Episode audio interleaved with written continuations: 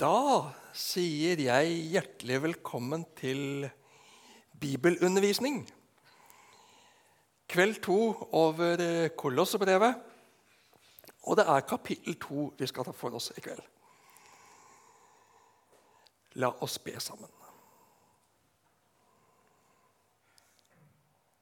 Himmelske Far, Herre Jesus Kristus, Hellige Ånd, takk for at vi får kjenne deg, og vi får studere ordet ditt for å vokse nærere og dypere og bli bedre forankra i deg. Må du undervise oss, må du lede oss, må du forfylle oss og prege oss mer og mer. Må du åpne ordet for oss. Amen.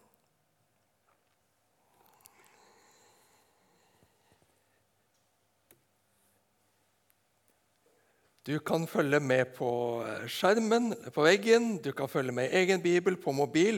Jeg regner med at De som sitter med mobil, de sitter ikke på Facebook eller leser nyheter, men de har funnet uh, Bibelen på mobil. Eller noe å notere på. Det er flott.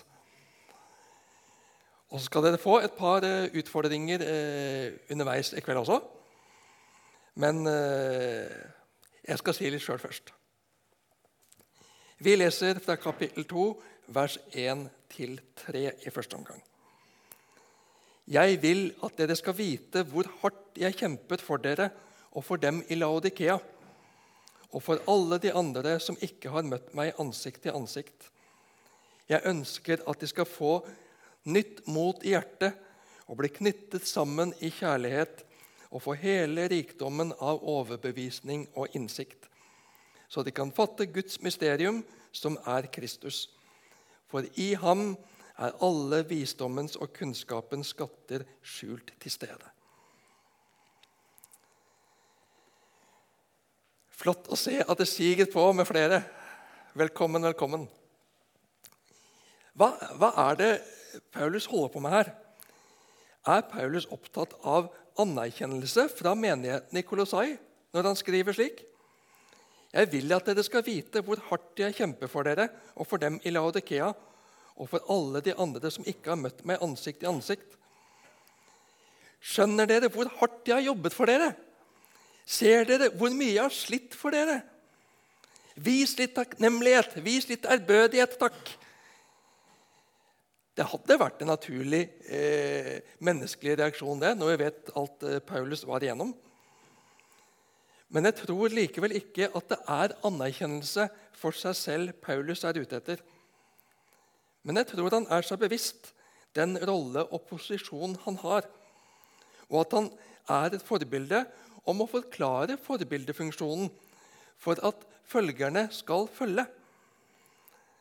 Noen ganger så er det rett å bruke seg selv som et godt eksempel, selv om det er ganske unorsk. Ikke for å fremheve seg selv, men for å gjøre saken, for å gjøre veiledningen konkret og forståelig. Det saken handler om for Paulus, er at de skal forstå hva som er på spill, hva som står på spill. Dette er ikke en lek. Det er ikke likegyldig hva dere tror på. Det er ikke likegyldig hva dere låner deres ører til. Ved å høre og forstå hvor mye dette betyr for meg, at dere skal gripe det, så skjønner dere kanskje alvoret. Menigheten i Kolossai har ikke møtt Paulus. De har utvilsomt hørt om ham. Kanskje har det gått noen historier av ulik valør. Det var både godsinnede og ondsinnede ryktespredere da som nå. Men Paulus har hjerte for denne menigheten og alle de kristne i området. Han kjenner på et ansvar for dem.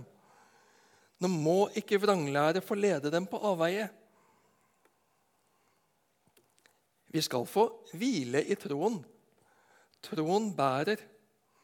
Men vi må ikke sovne i kulturen og ha et ubevisst forhold til samfunnstenkningen. Selv om vi er født inn i samfunnet, vi er barn av vår tid, vi blir bombardert hver dag hele dagen av ulike inntrykk, ulikt tankegods.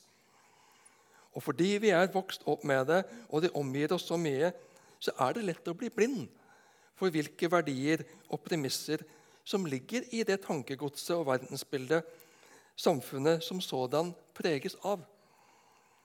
Derfor er det viktig at vi er våkne, slik at dette tankegodset, som er på kollisjonskurs med troens grunnlag, som er på kollisjonskurs med verdensbildet, troens verdensbilde og tankegang, at ikke det får drive av med oss uten at vi egentlig legger merke til det.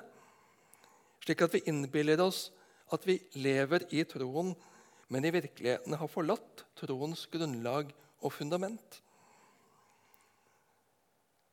Paulus skriver til menigheten i Kolossai for å riste i dem, vekke dem, avsløre hva som skjer iblant dem og i nabobyene.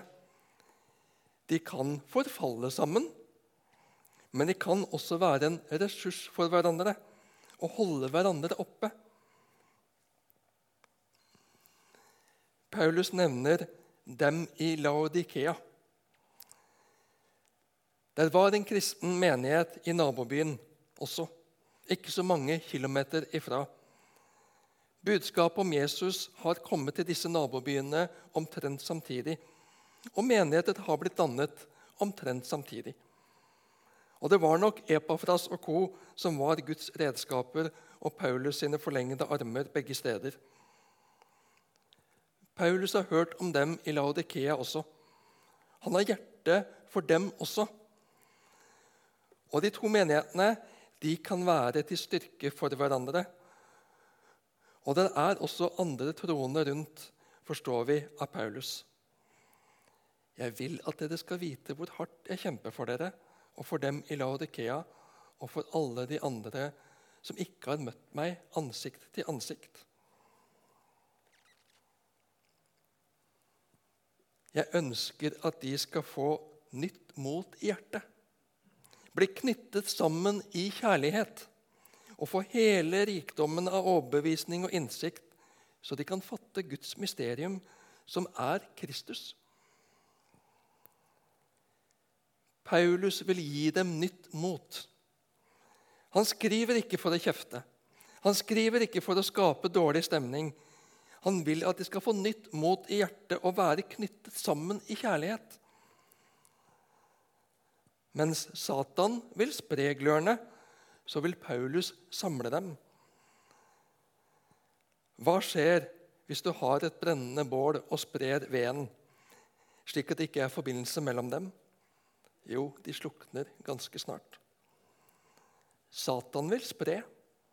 Satan vil isolere de troende. Hans mål er at de skal bli sløve, kalde og slukne, dø bort. Og det er en fare for oss nå i koronatid. Smittevernrestriksjonene er nå opphevet, men redselen som gjør at folk ikke tør samles, er der delvis ennå. Glørne spres. Og det er en fare når vi blir så opptatt av former og hvordan ting skal være, at vi ikke anerkjenner søsken i andre kristne menigheter som gjør ting litt annerledes enn oss, som tenker litt annerledes enn oss. Glørne spres. Jesus ber for disiplene at de må være ett, slik som han og far er ett. Og Paulus likeså. Dere som er Kristi etterfølgere, søk sammen, hold sammen, sett mot i hverandre, oppmuntre hverandre. Og her i Kristiansand så utkrystalliserer det, eller viser det seg konkret i fellesmøtene i uke to. Over 40 menigheter og organisasjoner går sammen, viser at vi er en stor søskenflokk. Vi har pinse i sør. Ikke så mange menigheter er sammen om det, men Misjonshuset er med sammen med flere menigheter og feirer pinse i lag og har fokus på evangeliet ut til unådde folkeslag i lag. Vi har Sammen for byen det er type ledernettverk på tvers av menigheter i Kristiansand. Og vi har Beveg byen, som er et enda videre. Der er også katolikkene med, med et diakonalt nettverk på tvers av menigheter. For hvordan kan vi tjene byen? Hvordan kan vi gjøre godt i byen? Og et fokus i Beveg byen-nettverket nå, det er hva kan vi gjøre for å få fram flere fosterhjem, få flere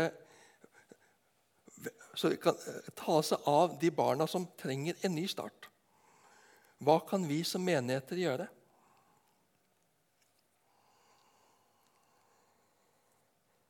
Dere som er Kristi etterfølgere, søk sammen, hold sammen, sett mot i hverandre og oppmuntre hverandre. Og Nå kommer første utfordring til deg.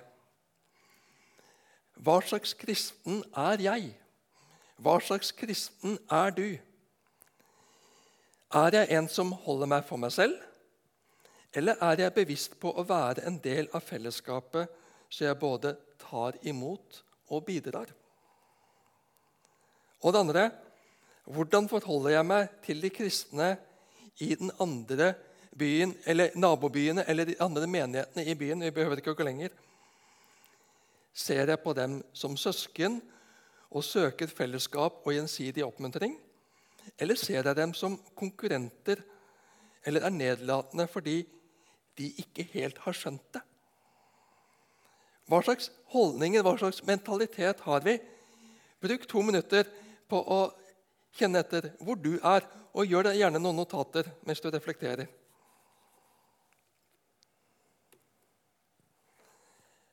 Velsigna band som bind Guds folk i Saman her. Det er ikke så ofte vi synger den lenger, men det er en flott sang med et uh, godt budskap. Vi skal være våkne for vranglære og tankegods som ikke samstemmer med vår kristne tro. Ikke minst innad i vår egen menighet, innad i vår egen forsamling. Men vi har ikke råd til å være smålige og mistenkeliggjørende overfor troende søsken, og overfor troende fellesskap. Vi skal heller la kjærligheten dekke over en mengde synder, som vi leser i 1. Peter 4,8. Nei, det var der det sto, var det ikke det? Jo. Mm. Framfor alt skal dere elske hverandre inderlig, for kjærligheten skjuler en mengde synder. Jeg ønsker at de skal få nytt mot i hjertet, bli knyttet sammen i kjærlighet og få hele rikdommen av overbevisning og innsikt, så de kan fatte Guds mysterium, som er Kristus. Vi skal absolutt studere og reflektere i bønn over ordet i enerom. Men vi trenger også fellesskapet for å trenge dypere ned i skattene. Vi lærer av hverandre. Vi ser alle stykkevis og delt, men sammen får vi hjelpe hverandre til å se mer, forstå mer, gripe mer, og på den måten få hele rikdommen av overbevisning og innsikt. Om det er bibelgruppe eller bibelskole, bedehusmøte eller fellesmøter, sammen får vi se dypere inn i de rikdommer Gud har gitt oss, så vi kan fatte Guds mysterium, som er Kristus. Det handler ikke om å bygge kunnskap for kunnskapens skyld. Vi samler ikke studiepoeng for studiepoengenes skyld. Det handler ikke om å bli noen intellektuelle bodybuildere i innsikt. Det handler om å fatte Guds mysterium, som er Kristus. Virkelig se inn i og få en dypere forståelse av hvem Jesus er. At han er Gud før alle ting at han er skaper, herre over himmel og jord, og se hva det, mer inn i hva det virkelig rommer. Få en dypere forståelse av hva Jesus har gjort. At den hellige Gud selv ble menneske og bar synden og straffen som vi skulle hatt. For å rive bort stengselet for oss inn til fellesskap med ham. Så vi kan se dypere inn i hvordan han ser på oss. Den ufattelige kjærlighet han har til oss, hvordan han elsker oss, lever og går i forbønn for oss. Og livet han vil leve i oss og med oss. Jo mer jeg ser av det, jo mer får det prege meg. Så får det forvandle meg, omskape meg til å bli mer lik Han. Jo mer jeg ser av ham, jo mindre farlig og mindre viktig blir andres meninger om meg. Jo mer jeg fatter av hans tanker, jo friere blir jeg fra alle andre tanker, krav og strev. Kristus er et livsforvandlende mysterium som jeg vil trenge dypere og dypere inn i. Og det er Ordet og Ånden i det kristne fellesskapet som kan lede meg dit. Vi er viktige for hverandre. For å vokse i Kristus, i forståelse av Kristus, i hans bilde. Men samtidig som vi er viktige for hverandre, så må vi aldri fristes til å gjøre hverandre til midler for egen vekst. At vi bruker hverandre på en negativ måte, på en selvsentrert måte.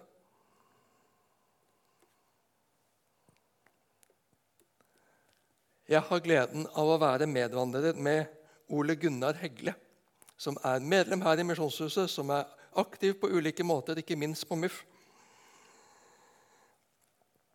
Han ble oppmuntra da han gikk på Fjellheim bibelskole, til å søke forkynnererfaring. Og Han talte bl.a. på en onsdagskveld i høst her i Misjonshuset om noe som han var blitt begeistra for gjennom undervisningen på Fjellheim brudemystikken. Jeg for min del jeg må innrømme at Brud og brudgom det har vært en bildebruk i Bibelen som har skurret og ikke vært kjært for meg, for å si det sånn. Han er min brudgom, jeg er hans brud. Jeg, sy jeg synger ikke intuitivt av hjertet på det. altså. Jeg, jeg er mann. Jeg har ikke lyst til å være brud. Bildene ble stående i veien for meg, for, for poenget i i saken, i teksten. Men når Ole Gunnar delte med innlevelse det han hadde fått se, så gikk det noen lys opp for meg. Da kom jeg forbi det som skurra i bildene. Og jeg fikk se forbi bildene til den intime, nære, fortrolige relasjonen Gud vil ha med oss, Gud vil ha med meg. At det ikke handler om hvor from jeg er, hvordan jeg får til kristenlivet, hva jeg skal gjøre meg fortjent til. Om jeg tror nok, om jeg tror rett. Nei. Han vil bare være sammen med meg. Fordi han er så inderlig glad i meg. Og det er jo fantastisk. Og jeg fikk se det på en ny måte gjennom min nesten 26 år yngre bror i Herren, som kunne vært sønnen min, har en sønn på samme alder. Men gjennom fellesskapet og gjennom å lytte til hverandre, dele med hverandre, så får vi vokse i tro. Se dypere inn i Guds mysterium, som er Kristus, sammen. For i ham, altså i Kristus, er alle visdommens og kunnskapens skatter skjult i stedet. Jesus kalles for logos, visdommen, alfa og omega, begynnelsen og enden. Han er den som er. Visdom, kunnskap, vitenskap er ikke fiender av Gud men er en del av det Gud har gitt oss for å forstå ham og for å forstå oss selv og for å forstå tilværelsen. Det bærer galt av sted når jeg blir standarden, når jeg blir autoriteten, den som står over og skal bedømme, og ikke Gud. Det blir helt feil hvis visdom, hvis vitenskap, tar opphavet til all visdom og vitenskap sin plass. Men når Gud får være Gud, og alt det andre får være i hans tjeneste, da er det ganglig. Dette sier jeg for at ingen skal lure dere med sine overtalelseskunster. For selv om jeg ikke er hos dere med kroppen, er jeg hos dere i ånden. Og jeg er glad for å se den orden som rår hos dere, og den fasthet dere viser i troen på Kristus. Talekunst var et statustungt fag i antikken, også kalt retorikk. I dag er det vel helst politiske partier som trener sine folk i overtalelseskunst. Prekenlære på teologistudiet det blir ikke helt det samme. kan du si.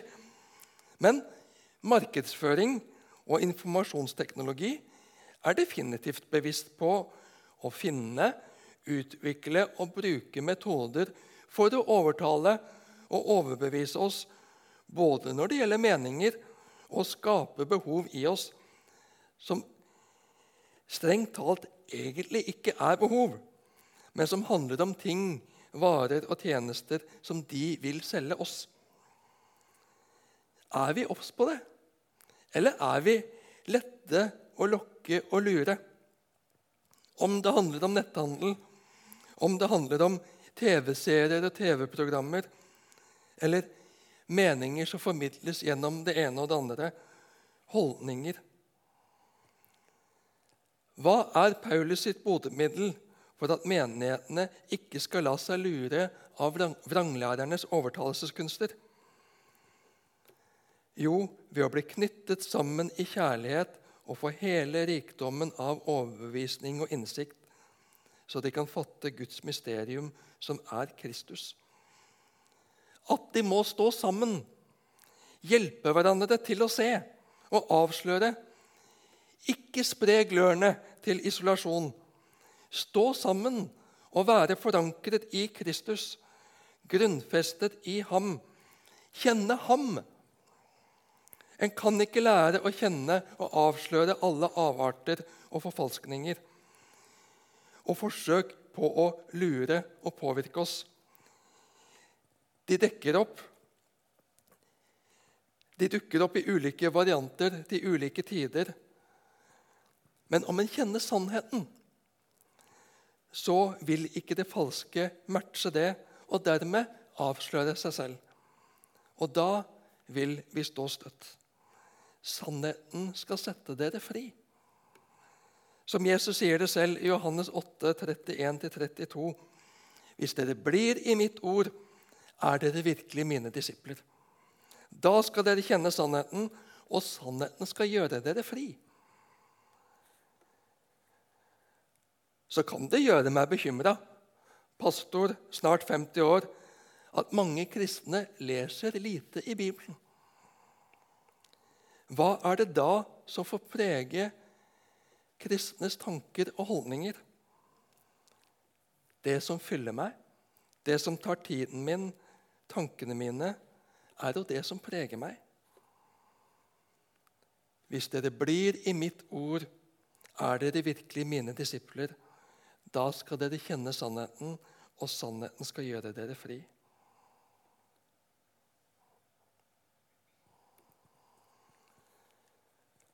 For selv om jeg ikke er hos dere i kroppen, er jeg hos dere i ånden, og jeg er glad for at den glad for å se den orden som rår hos dere, og den fasthet dere viser i troen på Kristus. Ånden forener de troende på tvers av geografisk avstand. Paulus skriver til menigheten i for at de skal skjønne at han tenker på dem. At de skal skjønne at han ber for dem. Å åpne dører har en tjeneste for de forfulgte kristne at vi kan skrive brev til dem som, som blir sendt på en, på en, trygg måte, slik at de får vite at det er folk i Vesten. Få en hilsen. Jeg er ikke alene, selv om jeg er isolert mot min vilje her jeg, her jeg bor, her jeg er, kanskje i fangenskap. At det er søsken som vet om meg, som ber for meg, som bærer meg inn for Faderen. Ånden forener de troende på tvers av geografisk avstand. Paulus skriver til menigheten for at de skal skjønne at han tenker på dem og ber for dem. Selv om han ikke er hos dem, eller at de har møtt ham, så har han hjerte for dem, for deres ve og vel. De hører sammen som troende søsken i Den hellige ånd. Og Paulus roser dem for orden iblant dem og fasthet i troen på Kristus. Ordet for orden retter seg mot det ytre livet, mens ordet for fasthet retter seg mot det indre livet. Både det ytre synlige, men også det indre.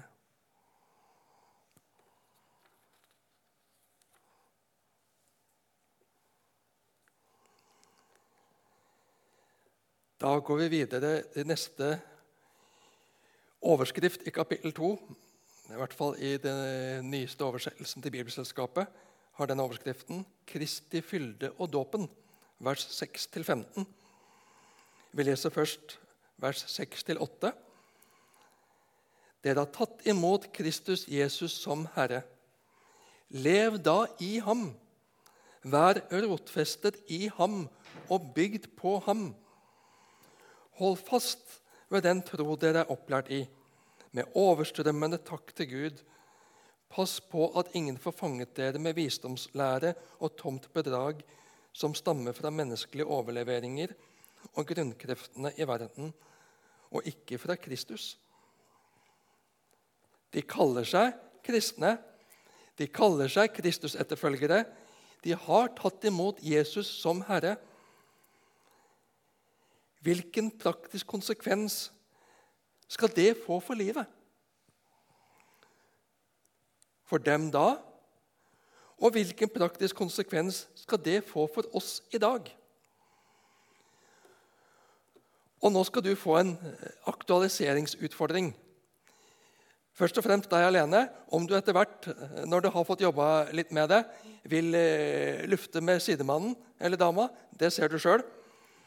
Men jeg vil at vi skal bruke i hvert fall fem minutter på den. Og det er som følger Se for deg en 16-åring du kjenner.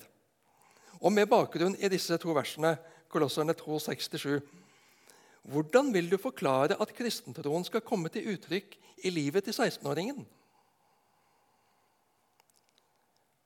Og den samme utfordringen til en person i, i motsatt ende av livet sykehjemspasient ved livets slutt. Se for deg mentalt frisk, en mentalt frisk pasient, beboer på langtidsavdeling på sykehjem. Med bakgrunn i disse versene, hvordan vil du forklare for denne personen hvordan kristentroen skal komme til uttrykk? Gruble litt på den. Noter deg noen eh, stikkord, halve setninger.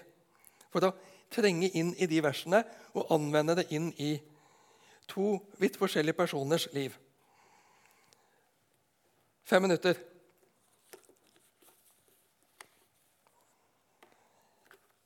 Jeg vil gjerne at vi tar opp den uh, i, i myldringa i kaffepausen om litt. Litt for mange til å få, få den gode samtalen her, men når vi blir i, i mindre grupper ute under, over kaffekoppen, så gjerne dele litt. Hva, hva kom opp i dere?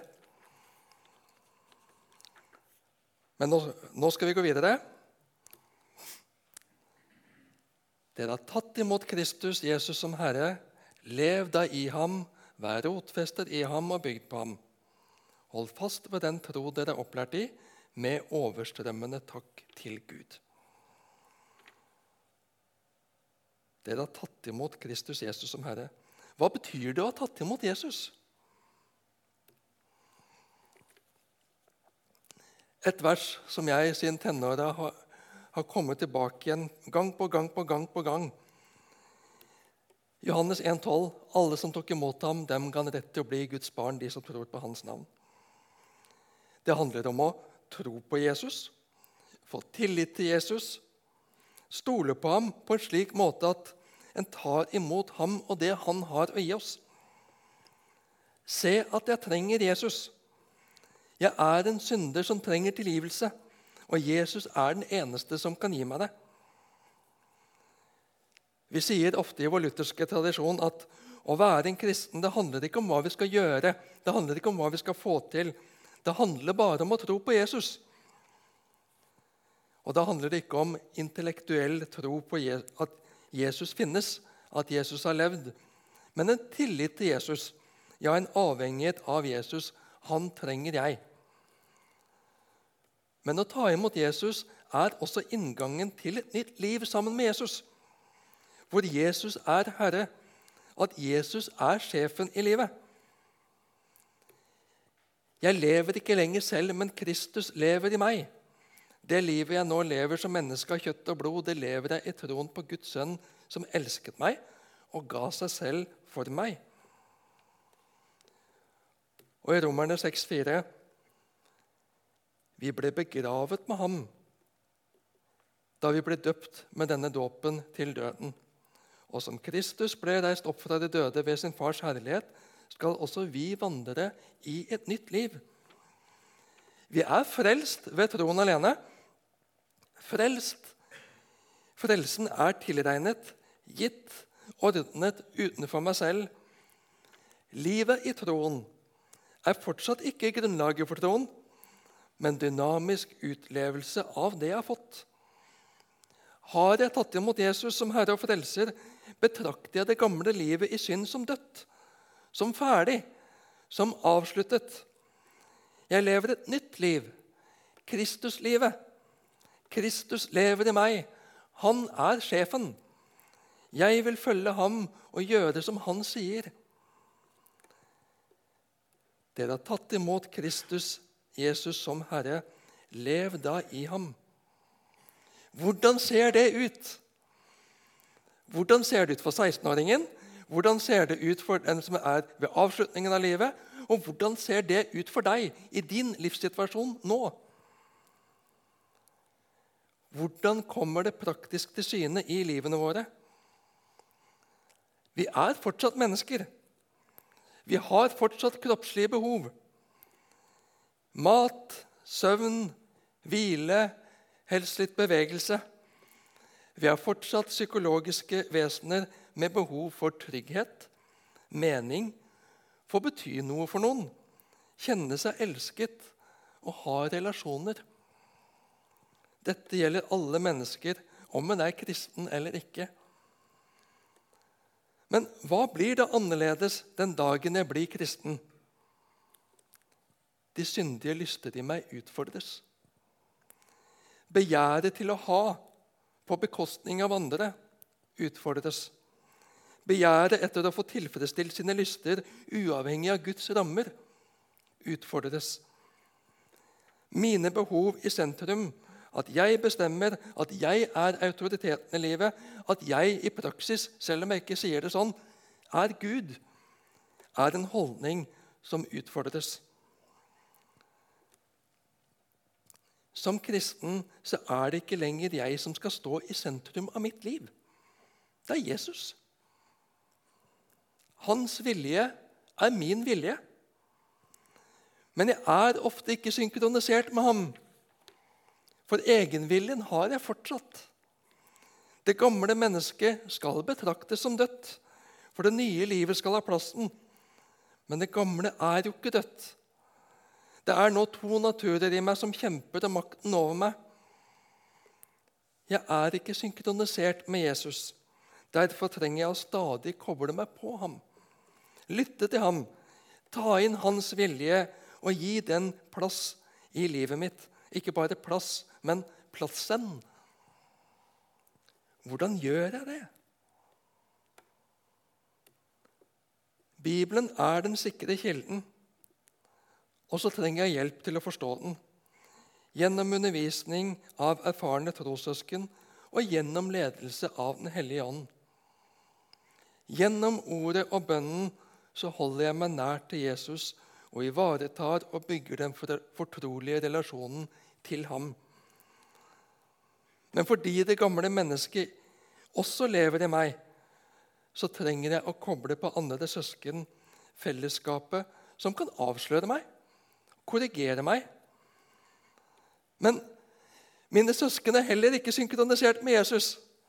De også kjemper med det gamle mennesket i seg. Derfor har fellesskapet både potensialet til å være velsigna mann som min, og Guds menighet er jordens største plunder, for å skrive om tittelen litt av en god salme. Og i iveren etter å både selv komme opp og fram, og i iveren etter å være åndelig og god og lykkes, så lar vi oss besnære av regler, av visdom og fascinerende tankebygninger. Og så roter vi det sammen med grunnlaget for at vi er kristne. For ønsket om å være Gud og fikse og styre alt selv ligger fortsatt i oss, like under overflaten. Og så blir det et salig kaos og samrøre som tar både trygghet og glede fra oss. For Hvis jeg tar tilbake ansvaret for egen frelse, ja, da er jeg jo ikke trygg. Da kan jeg ikke være sikker på at det er i orden. Om jeg stoler mer på hva mennesker sier om meg, enn på hva Gud sier om meg, da må jeg hele tiden ha følehornene ute og lytte og kjenne og føle og vurdere. Og det blir vi enormt slitne av. Nei, mener du det? Når du sier at du har tatt imot Jesus Kristus som Herre, så lev da i ham, og vær rotfestet i ham og bygd på ham. Og Hvis du er i tvil, så kan jeg bekrefte jeg snakker like mye til meg sjøl som til dere når jeg sier det. La Jesus få være fundamentet i livet ditt hva gjelder frelsen og alt i deg. Det han har gjort, skal du slippe å gjøre om igjen. Uansett, du makter det ikke. Det han sier til deg og om deg, stol på det.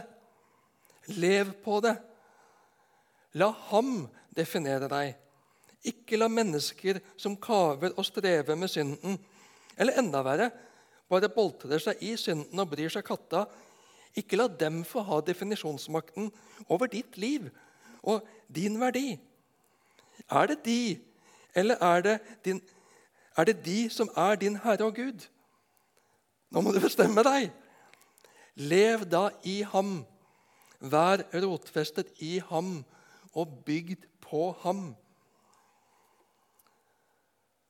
Om det blåser og folk utfordrer din tro, og livet er tøft, ha røttene dypt festet i Jesus, i Guds ord, i Hans sannhet. Bygg på det. Ikke fordi du skal bygge egen frelse, men fordi du skal få leve livet, bruke gaver og talenter, oppleve mening og betydning. Du er verdifull og har mye å bidra med, ikke for å realisere deg selv, men realisere Kristus i verden i dag. Du og jeg er hans hender og føtter i vårt nærmiljø. Det skal vi få leve ut i hans vilje og kraft. Nå har jeg lyst på en kaffekopp. Hva med dere? Vi tar en pause der. Vi er fortsatt i kapittel 2, vers 6 og 7. Nå vers 7.: Hold fast ved den tro dere er opplært i, med overstrømmende takk til Gud. Jo, det er som hun sier, dere vil bli utfordret. Det er ulike krefter der ute som vil påvirke i andre retninger. Men ikke la dere drive med av strømmen. Den strømmen ender et annet sted enn der du har tenkt deg. Hold fast ved den tro dere er opplært i, med overstrømmende takk til Gud. Hold fast på det du har lært, Og husk, det er ikke din gripeevne det kommer an på, men hva du hviler på, hvem du hviler hos. Og jeg tror at takken er en fantastisk nøkkel. Takken kobler deg på kilden. Takken minner deg på at det er ikke i deg selv. Takken minner deg på at det ikke handler om hva du skal få til. Takken minner deg på at det ikke er du som skal bære, men han skal bære deg. Gud skal bære deg. Lev i takken. Ikke fordi følelsene er overstrømmende og det bare bobler over. Jeg bare må takke og prise deg. Nei, like mye, og kanskje vel så ofte, for å kalibrere. For å være der du skal være. Båret til ham, ikke av deg selv. Pass på at ingen får fanget dere med visdomslære og tomt bedrag som stammer fra menneskelige overleveringer og grunnkreftene i verden, og ikke fra Kristus. De kristne i Lykosdalen, som var første mottaker av dette, de var opptatt av filosofi. De var opptatt av en visdomslære. Og det på en slik måte at det utfordret troen deres, den kristne troen. Så har ikke vi den fulle oversikt over hva denne visdomslæra, denne filosofien, bestod i. Men brevet gir oss noen, noen hint, noen signaler, gjennom noen uttrykk Paulus bruker. Han, I 1.19 så hørte vi om, om fylden. Vi har eh, før pausen sett på Nei, det var, det var forrige gang, men også, også i dag mysteriet. Overtalelseskunster. Forskjellige begrep som levde i tiden, og som dro en annen retning, som Paulus fyller med det sanne kristne innhold fylden ikke i mengden av guddommer, men hele Guds fylde i Jesus Kristus. Mysteriet ikke i noe øh, fjernt som er forbeholdt de få ved dype, eh, spesielle studier, men inn i Kristus.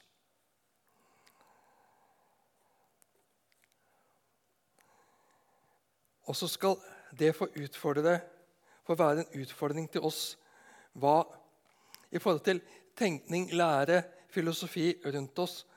Hva er basisen for vår tenkning?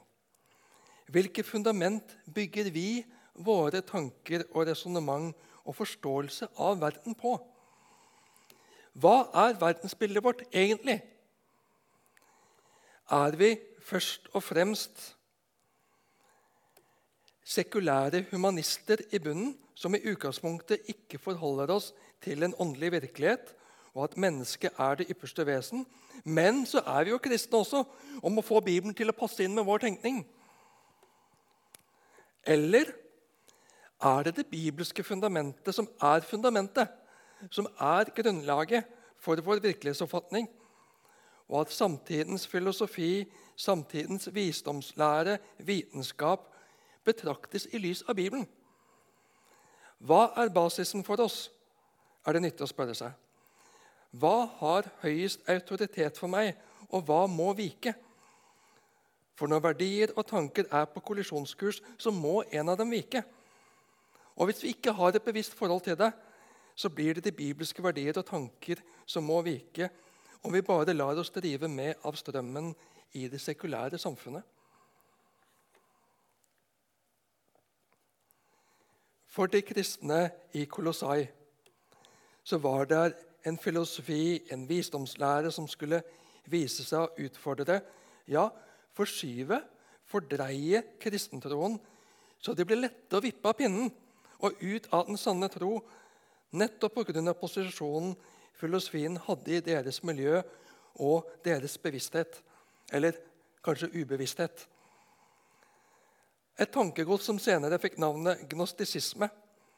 En tanke om at den materielle verden er ond og mørk, mens sjelen er god, lys og guddommelig. Sjelen tenkes å være i fangenskap i kroppen og må frelses fra dette fangenskapet ved hjelp av innsikt, som på gresk heter gnosis. Etter hvert som denne falske læren bredte seg, krevde den at frelsen bare kunne oppnås ved en slik spesiell kunnskap. På den måten så bytter gnostisismen ut troen med fornuften. Siden visdommen var hovedsaken, ble Jesu betydning nedtonet. Oppstandelsen ble fornektet, eller oppstandelsen ble sett på som noe som skjedde i det nye livet hos en kristen, og ikke som en virkelig hendelse med Kristus. Og heller ikke som noe som skulle skje ved Jesu andre komme. De tolker det allegorisk og ikke bokstavelig, kan vi si. Og Det minner jo mye om dagens variant, som sier at det er ikke en objektiv sannhet, men noe er sant for meg, og noe er sant for deg. Fakta benektes for så vidt ikke, men det gis ikke autoritet. Jeg velger hva som skal være sant for meg. Jeg er jo Gud. Jeg, eller sier ikke det, men jeg er herre i mitt eget liv. Og det er nettopp grunnkreftene i verden etter syndfallet. Ønsket om trangen etter å selv være Gud, og at ting utledes fra meg. Det som kjennes godt for meg, det som kjennes rett for meg, sant for meg. Og ikke en større sammenheng som jeg er en del av i tid og rom. Og en overordnet Gud som har en god hensikt og vilje med det hele. Men en tankegang hvor noe er sant for meg, og noe annet er sant for deg, det bryter jo med all logikk. Er noe sant, så må det være sant for alle. Er det en hest jeg ser der, så er det samme dyret en hest for deg også.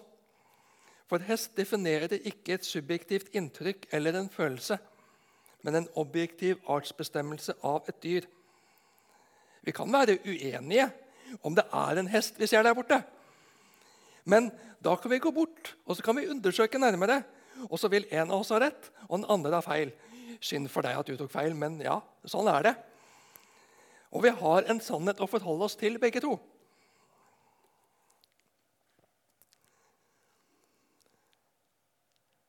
Men det er grunnkreftene i verden.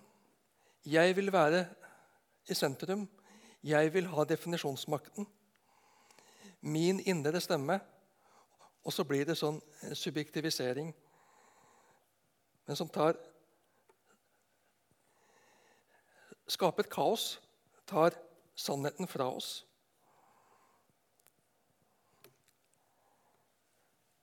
For i hans kropp bor hele guddomsfylden. Tilbake til det begrepet. Her sier Paulus det på nytt med litt andre ord det som vi leste i 1.19 forrige gang. Igjen, det greske ordet som her er oversatt med 'fylden', peker i retning av overflod og totalitet. Gnostikerne brukte ordet for å beskrive totaliteten av alle guddommer.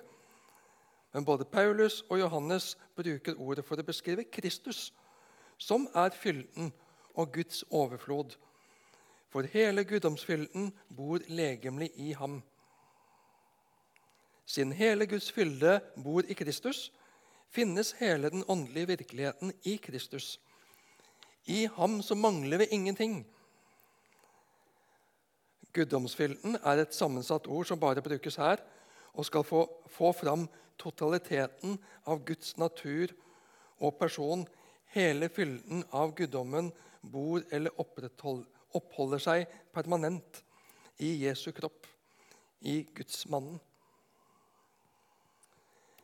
Og i ham, som er hodet for alle makter og åndskrefter, har dere fått denne fylden. Jesus var ikke en undergud, og at de kunne nå kontakt med noe større guddom ved større innsikt, slik som tenkningen der var. Troen på Jesus var ikke et stadium, slik, et stadium av flere som de kunne nå opp til med ny visdom slik disse vranglærerne besnæret folk i menigheten med. Jesus er hodet for alle makter og åndskrefter. Jesus er universets herre, og vi har fått del i ham. Del i denne fylden. Vi har fått Den hellige hånd i oss, og det er ufattelig stort. Jaget etter nye nivåer og høyder er bare ett av mange fantasifulle utslag av Adam og Eva-syndromet. Og selv ville være Gud, og selv ville være Herre. La oss avsløre og avvise den trangen som stadig dukker opp i oss selv, og som, stadig dukker opp med ulike intellektuelle og åndelige farger og fasonger.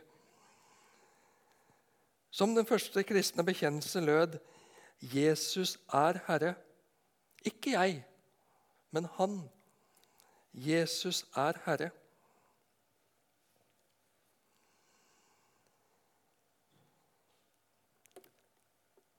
I vers 11 leser vi i ham ble også dere omskåret, men ikke av menneskehender. Dere ble omskåret med Kristi omskjærelse da dere kledde av dere den kroppen som kjøttet har makten over.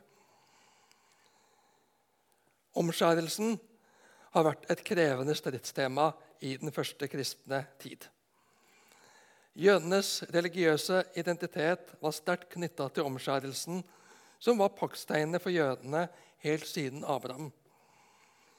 Og I og med at de første Jesus-troende var jøder og omskåret, og at det var sentralt i deres selvforståelse, så var det mange som hevdet at de som var av annen etnisk opprinnelse, og som kom til tro på Jesus og ville bli kristne og legges til menigheten, at de også måtte omskjæres. I Galaterbrevet bruker Paulus mye plass på det spørsmålet. Og I apostelmøtet i Jerusalem i år 49 så ble det diskutert og vedtatt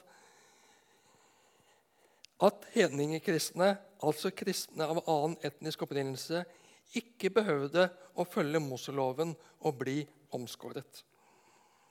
Men omskjærelsen var en kjent referanse og kjent som det gamle paktstegnet, og Paulus bruker det her i overført betydning. De kristne i Kolossai ble ikke omskåret forhuden ved menneskehender, slik jødiske guttebarn ble omskåret av rabbineren den åttende dag, men frivillig la de av seg den kroppen som kjøttet har makten over, altså det gamle mennesket, den syndige lyst, den er avskåret. Død med Kristus. Vi lever det nye livet i Kristus, oppstandelseslivet. Og dette utlegges videre med henvisning til den nye paktstegn, nemlig dåpen, som vi ser i neste verset.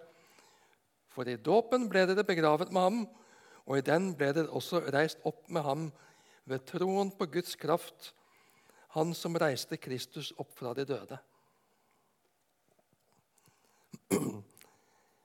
Hva er dåpen? Jeg skal innrømme at pinsevennenes dåp er tydeligere i sin symbolikk og i sin vannbruk. Vi lutheranere vi er beskjedne med vannet, men det har historiske grunner. Kalde vintre i middelalderen og dåp i elva eller i sjøen kunne rett og slett være helseskadelig, ja livsfarlig. Derfor flyttet de dåpen innendørs og med overøselse i stedet for full neddykkelse. Nå er det ikke vannmengden som er avgjørende for dåpens gyldighet. Men dåp med full neddykkelse visualiserer jo bedre hva dåpen er. Det er det ingen tvil om. Jo, vi druknes med Jesus i hans død. Vi dødes i vannet. Vi begraves med Jesus. Gamle Adam, syndelivet i oss, begraves med Kristi død. Da Jesus døde på korset, sonet han for vår synd. Han døde under din og min synd.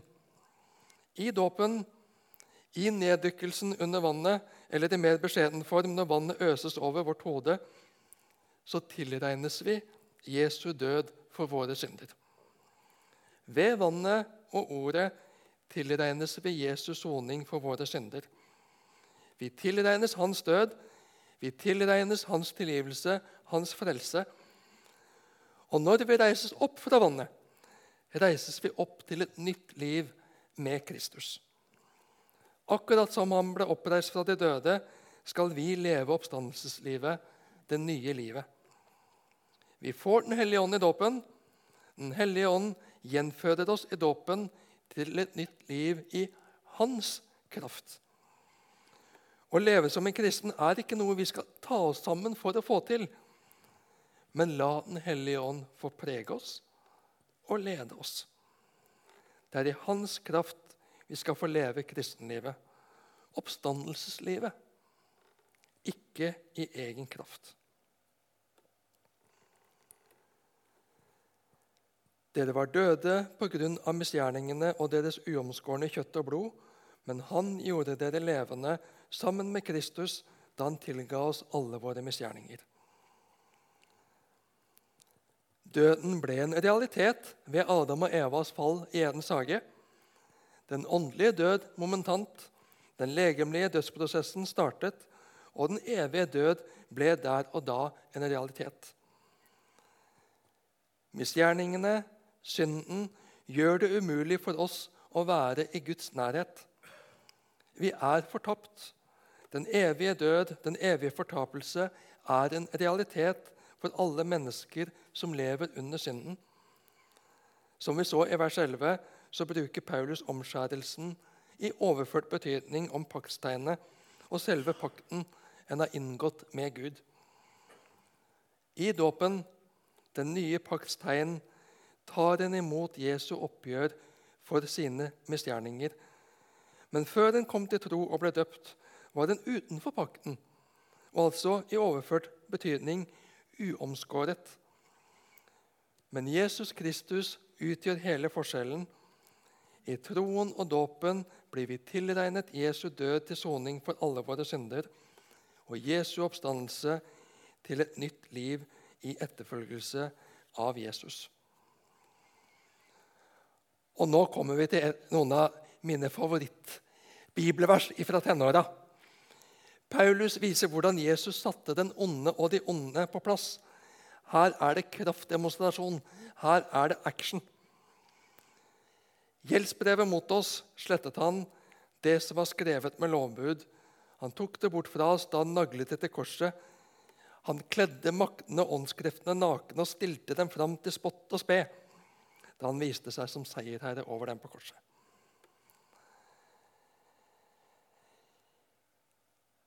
Hvis jeg spør hvor mange her har tatt opp lån, så tipper jeg det kommer ganske mange hender opp. Og hvis jeg tar oppfølgingsspørsmålet hvor mange er bekymra for lånet? Og tilbakebetaling av lånet?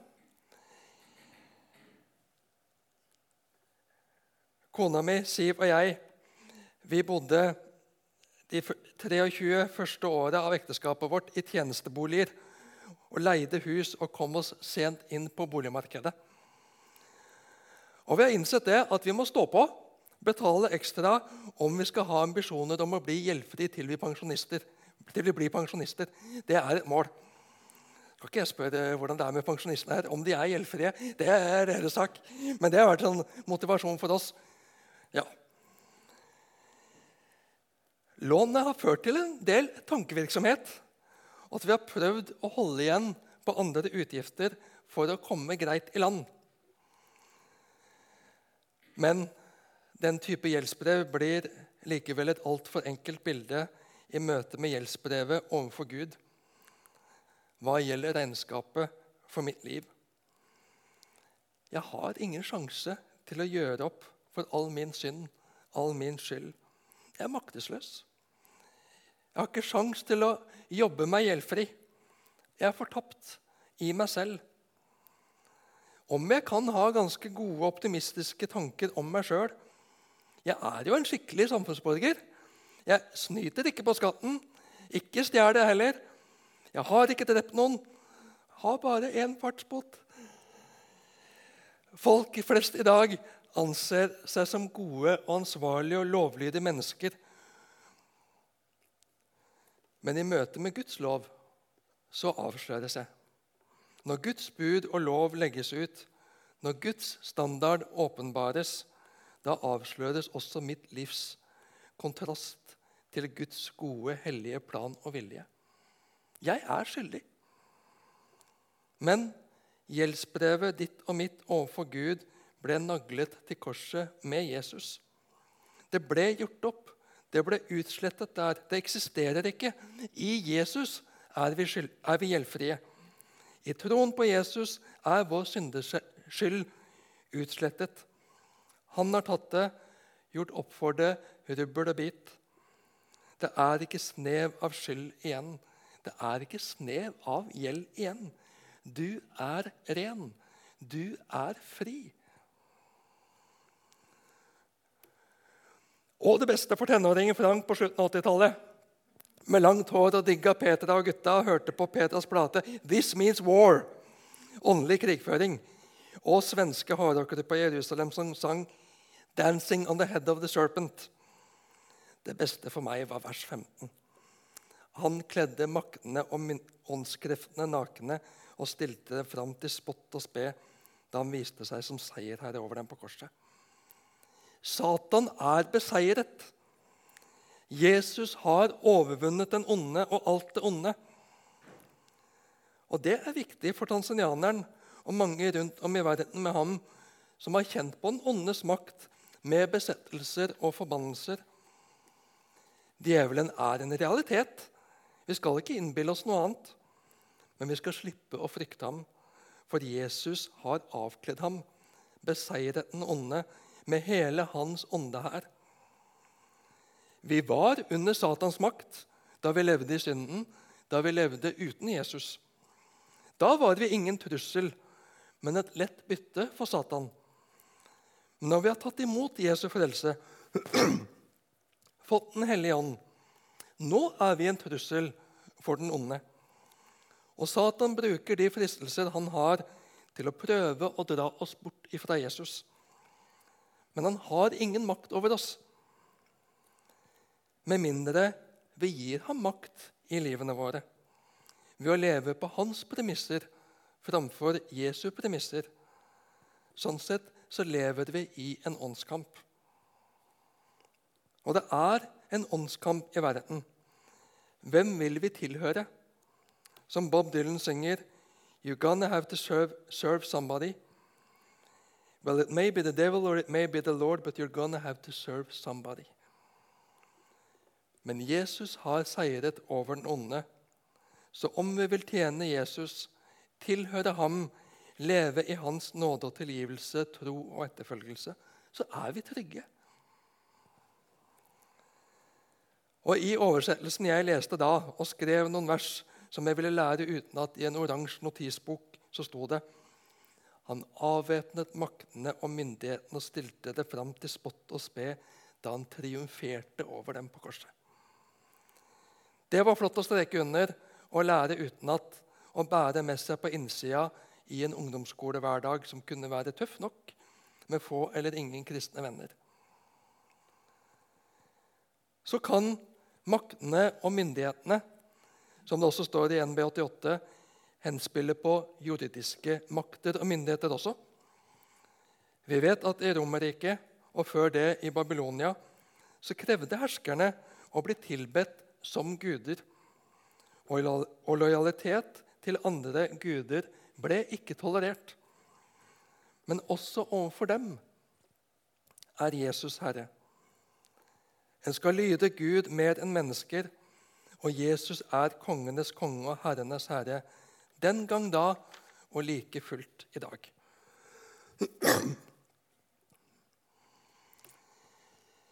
Så skal vi gå inn i siste avsnittet i kapittel 2, som i Bibelselskapets siste oversettelse har fått overskriften 'Mot falske menneskebud', vers 16-23. La da ingen dømme dere når det gjelder mat og drikke, høytider, nymånedag eller sabbat dette er bare skyggen av det som skulle komme. Men kroppen tilhører Kristus. La ikke dem som vil drive med selvfornektelse og engledyrkelse, røve seierskransen fra dere. De går helt opp i sine syner og skryter uten grunn av sine rent, sine rent menneskelige tanker og holder ikke fast på ham som er hodet. Men ut fra ham vokser hele kroppen og blir støttet og holdt sammen av sine ledd og bånd. Da vokser den slik Gud vil. Kristus har utslettet gjeldsbrevet deres. Jesus har seiret over Satan. Dere er rene. Dere er frie. La dere ikke nå binde igjen. La ikke Satan lure dere med ulike religiøse og intellektuelle vrangforestillinger. Her ligger det både et jødisk bakteppe og en referanse inn gnostiske filosofi og visdomslære som preger miljøet rundt menigheten. Ulike impulser og krav i samfunnet som utfordret dem i forhold til hva som opplevdes klokt menneskelig og korrekt religiøst. Du må ikke spise svinekjøtt, for det sier loven. Du må overholde den og den høytiden for at Gud skal være fornøyd med deg. Nei! Alt dette er bare skyggen av det som skulle komme, sier Paulus. Loven skulle vise hvor fjernt dere er fra Gud i dere selv. Den er bare som en skygge å regne, noe som nå ligger bak. Det handler ikke om din overholdelse av diverse regler, bud og høytider. Kroppen tilhører Kristus. Du tilhører Kristus, som har dødd for deg og stått opp for deg. Tro ham. Følg ham. Stol på ham. Hvil i ham. La ikke disse andre religiøse og filosofiske menneskene få røve fra deg frelsen, livet i Kristus, ved å legge på deg diverse krav om selvfornektelse. Du skal ikke ditt og datt, og du må gjøre sånn og sånn.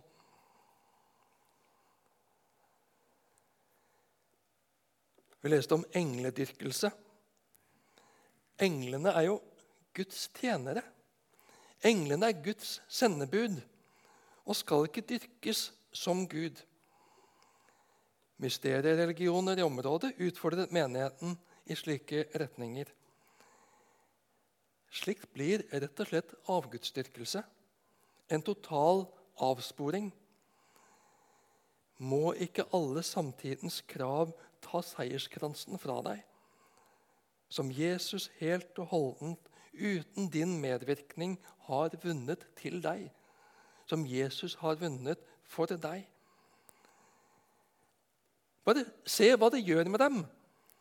De går helt opp i disse greiene og opplevelsene og skryter av disse. Skryter av seg sjøl, skryter av sitt eget, og har ikke livsforbindelsen med hodet. Dere er kroppen, Kristus er hodet. Lytt til Kristus. Se på Kristus. Følg Kristus. Dere er kroppen som skal ledes av ham. Og sammen så er vi de ulike kroppsdeler som holdes sammen av sener og ledd og leddbånd. Vi skal adlyde hodet, ikke alle ytre impulser. Da vokser vi slik Gud vil. Når dere med Kristus døde bort fra grunnkreftene i verden, hvordan kan dere da leve som i verden og rette dere etter slike bud som, som ta ikke, smak ikke, rør ikke? Det gjelder jo ting som er ment til å brukes og forgå. Alt dette er bare menneskers bud og lærdommer. Slikt har ikke nok ord på seg for å være visdom. Både den selvgjorte fromheten, selvfornektelsen og mishandlingen av kroppen. Men det har ingen verdi. Det tjener bare til å gjøre kjøttet tilfreds. Er du med på logikken? Når du som kristen er begravet med Kristus, du, det gamle mennesket i deg, er dødt. Skal betraktes som dødt. Det lever ikke lenger. Det er det nye Kristuslivet som lever i deg. Hvordan kan dere da leve som i verden og rette dere etter verdens bud om at du skal ikke ditt eller datt for å oppnå noe overfor Gud? Vi skal selvfølgelig forholde oss til landets lover, men vi er ikke bundet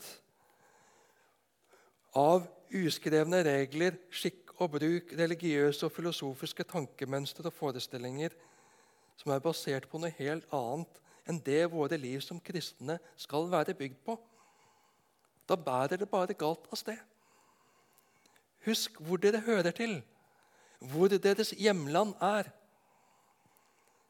Ikke la dere besnære av at det høres fromt ut, og at de tar sin tro på alvor når de sier 'ta ikke, smak ikke, rør ikke'. Dette hører en annen religion og tro til, ikke deres tro og liv som kristne. Dere er fri fra det. Slike regler, bud og bånd vil bare binde dere. Røve fra dere friheten i Kristus og få dere til å stole på deres egne fromhetsøvelser og praksiser framfor å stole på Kristus alene. Du kan bli mer stolt og hovmodig av det. Se hva jeg får til! Se hvor from og flink jeg er! Men du blir ikke mer lik Kristus. Du beveger deg heller bort fra ham når slikt får hans plass i livet ditt.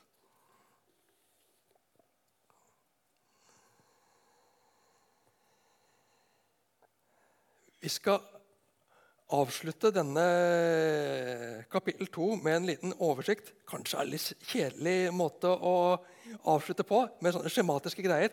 Men jeg syns det er litt ålreit å, å, få ting litt sånn lista opp. Derfor har jeg lyst til å dele det med dere. Vranglæren i Kolossai, hva sa den? Jo, for det første sa den at det åndelige er godt, men det fysiske er ondt. Altså en motsetning mellom det fysiske og det åndelige. Det ser referansen der, i kapittel 1, vers 15-20. Mens Paulus' sitt motsvar er at Gud skapte himmel og jord til sin ære. Alt det skapte, er godt. Og den, Å sette opp den mot, uh, motsetningen er ikke bibelsk. Det åndelige og det fysiske henger sammen, hører sammen. Det er skapt og gitt av Gud alt. De påsto at en må følge bestemte seremonier, ritualer og bud for å bli frelst, for å bli fullkommen, for å oppnå det fullkomne. Nei, sier Paulus, disse seremoniene, ritualene og budene var bare skygger som hadde sin ende når Kristus kom. Han er alt du trenger til frelse. Og litt i eh, forlengelsen av den første en skal fornekte kroppen og leve i streng askese. Nei, askese er ikke til noe hjelp i å beseire onde tanker og begjær. Den fører heller i stedet til lett til stolthet og til hovmod. Engledyrkelsen som de var opptatt av? Nei, engler skal ikke tilbes.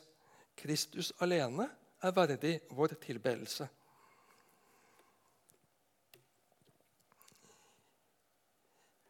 Påstanden om at Kristus kunne ikke være både menneske og guddommelig? Jo, svarer Paulus, Kristus er Gud i kjøtt og blod, og han er den evige, hodet på kroppen, den første av alle ting, den suverene. En forestilling om at en måtte oppnå hemmelig kunnskap for å bli frelst, for å bli fullkommen, og at denne, var, denne ikke var tilgjengelig for alle, men bare for de som søkte inderlig og fikk en spesiell åpenbaring, nærmest. Paulus' sitt motsvar Guds hemmelighet er Kristus, og han har blitt åpenbart for alle. En oppdatert lokalt om at en må følge menneskelig visdom, tradisjon og filosofi. Vi skal lytte til mennesker, og vi kan lære mye av hverandre. ja, Men menneskelig visdom, tradisjon og filosofi kan i seg selv være villedende og skygge fordi de har menneskelig opphav. Framfor alt skal vi huske hva Kristus har lært oss, og følge Hans ord som vår høyeste autoritet. En forestilling om å kombinere litt herfra og derfra det kan vi kjenne igjen fra vår tid. Gardere seg litt, plukke det beste fra alle lag og leire. Forskjellige religioner. Eh, nei, du har alt du trenger i Kristus. Han er tilstrekkelig. Han er Gud. Følg Han. Og eh, som et eh, utkomme av Det er jo litt, eh, Hvis du sammenholder ulike elementer i den tabellen vranglære om at det, åndelige er godt og det fysiske er ondt. På den ene siden kan du slå ut i en askese. På den andre siden så kunne det slå ut i et eh, utsvevende liv. At, for det, kroppen er ånd likevel, så er det ikke så farlig hvordan du, hva en bruker kroppen til. Den tenkningen går Bibelen og Paulus imot. Bryt med synden og det onde, for du har blitt utvalgt av Gud til å leve et nytt liv for Herren Jesus.